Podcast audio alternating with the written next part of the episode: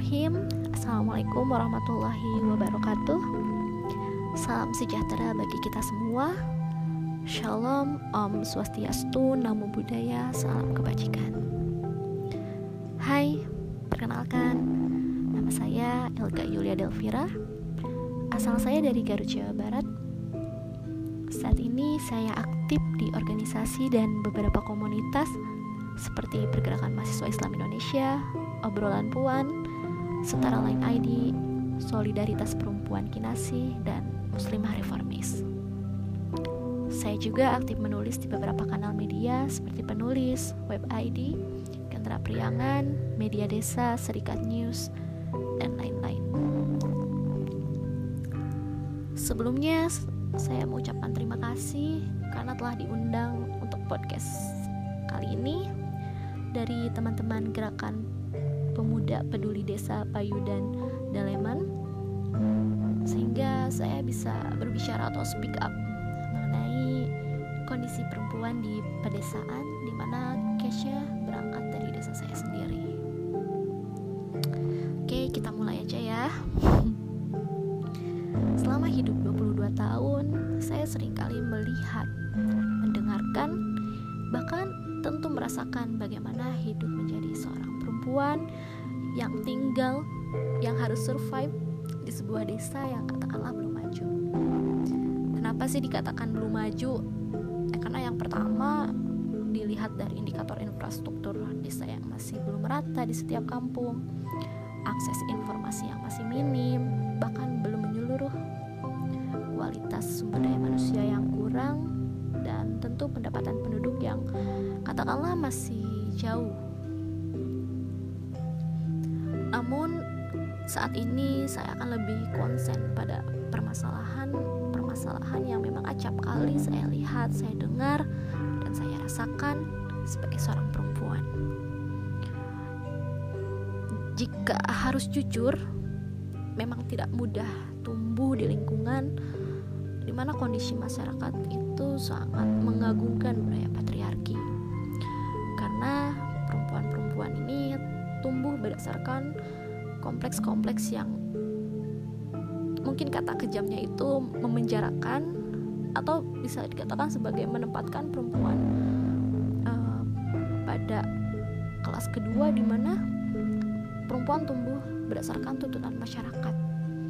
Seperti perempuan harus begini perempuan harus begitu. Tanpa ditanya apa sih kebutuhan perempuan apa sih keinginannya? Ya seperti itulah. Oke okay, pembahasan yang pertama mungkin yang saya angkat itu adalah diskriminasi gender. Kenapa saya mengangkat ini?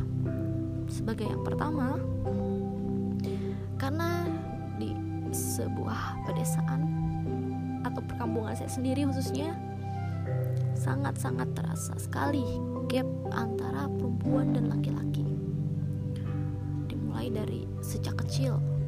Perempuan dididik untuk mengurusi urusan rumah tangga. Sedangkan laki-laki memiliki kebebasan untuk tidak melakukan hal tersebut. Perempuan tidak boleh keluar malam, sedangkan laki-laki boleh. Lalu untuk ranah publik, hal kecilnya yaitu seperti pengambilan keputusan dalam lingkup terkecil seperti muda-mudi, taruna. Itu perempuan jarang didengarkan bahkan keberadaannya pun jarang untuk diakui atau dilibatkan. Lalu ada di bidang pendidikan. Ya, perempuan terkadang harus putus sekolah dan hanya sampai sekolah dasar. Di sini banyak sekali teman sebaya saya yang mengenyam pendidikan hanya sampai sekolah dasar.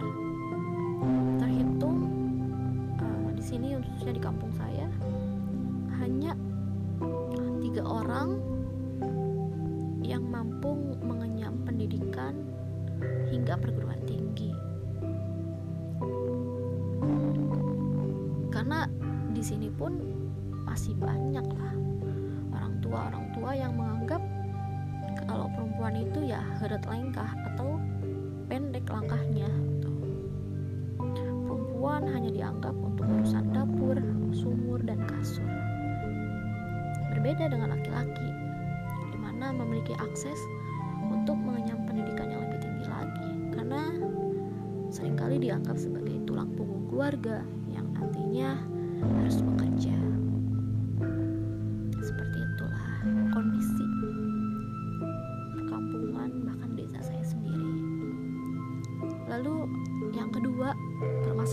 Kedua yaitu dari kekerasan.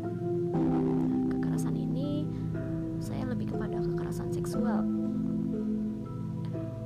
Ternyata masih sangat banyak saya lihat, saya dengar, bahkan saya rasakan ketika menjadi seorang penyintas atau korban dari kekerasan seksual. Bagaimana tidak, saya kecil melihat dengan kepala, mata kepala saya sendiri bagaimana bagaimana perempuan khususnya ya anak-anak menjadi korban pelecehan seperti uh, maaf area sensitif perempuan yang memang sengaja dipegang oleh sesama anak-anak laki-laki remaja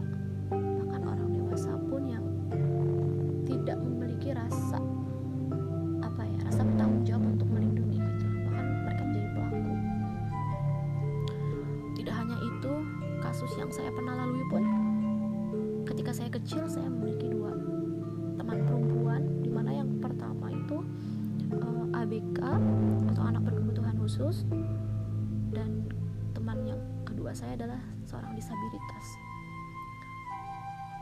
Dimulai dari akses pendidikan bahkan perlakuan sosial terhadap mereka menurut saya sangatlah kejam. Karena masih saja mereka mendapatkan bullying dari dimulai dari anak-anak remaja bahkan orang dewasa sekalipun. Bahkan hal yang paling mencengangkan itu waktu dulu mereka mendapatkan tindakan pemerkosaan di mana sampai saat ini tidak pernah diperkarakan kasusnya. Karena yang pertama ABK yang kedua seorang disabilitas di mana mengungkapkan kasusnya itu mengalami kesulitan. Lebih menyesalnya lagi saat kecil saya tidak tahu cara bagaimana sih membela mereka. Melainkan ya saya tetap menjadi teman bermain mereka gitu.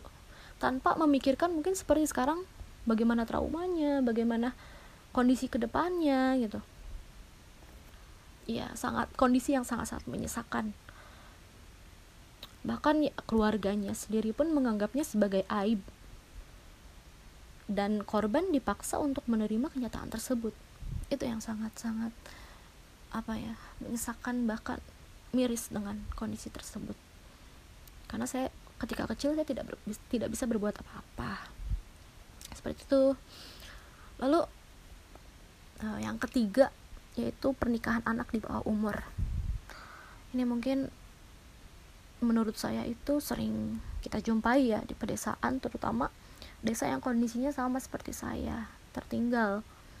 Mana kasus pernikahan anak di bawah umur ini ya sangat langgeng sekali terjadi. Apalagi bagi perempuan yang setelah lulus pendidikan baik itu SD SMP itu tidak sedikit saya temukan yang harus bersedia untuk menikah karena dijodohkan. Bahkan umurnya dimulai dari yang sepantaran bahkan terpaut jauh belasan tahun.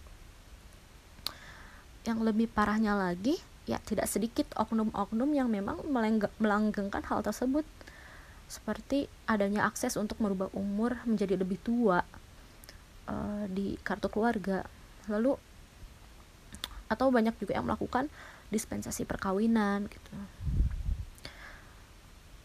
Sejujurnya banyak sih faktor internal dan eksternal yang mempengaruhi. Tapi yang paling dominan saya temui adalah dispensasi perkawinan ini karena himpitan ekonomi gitu. Kayak gitu.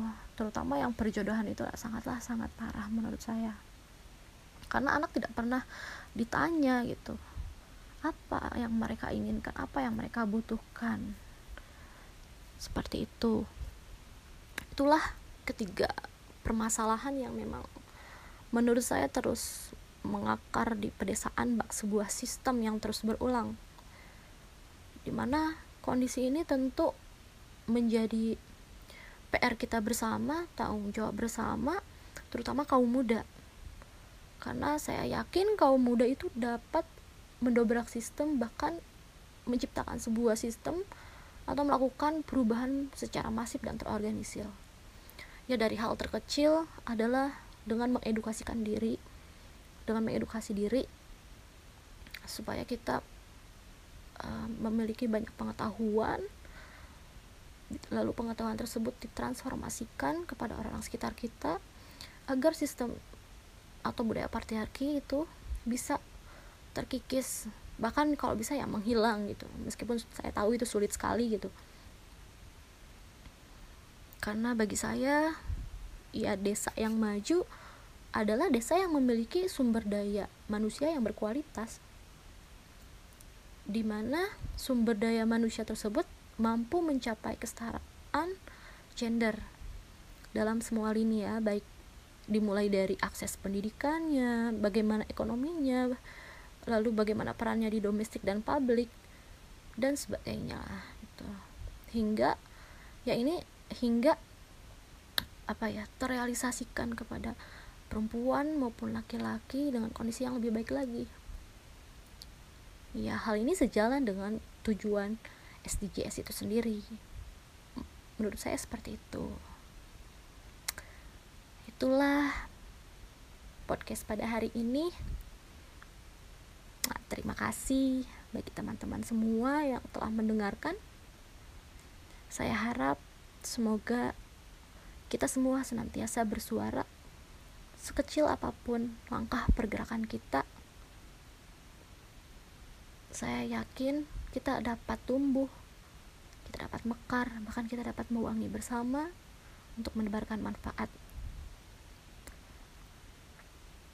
Closing closing statement dari saya masalah diskriminasi sering terjadi banyak tragedi yang muncul bahkan terus terus menerus ada karena orang-orang yang setia pada peran dalam sebuah sistem itu. Selain menciptakan perubahan, mari kita mendobrak sebuah sistem karena aku, kamu, semuanya harus menjadi generasi yang lebih baik.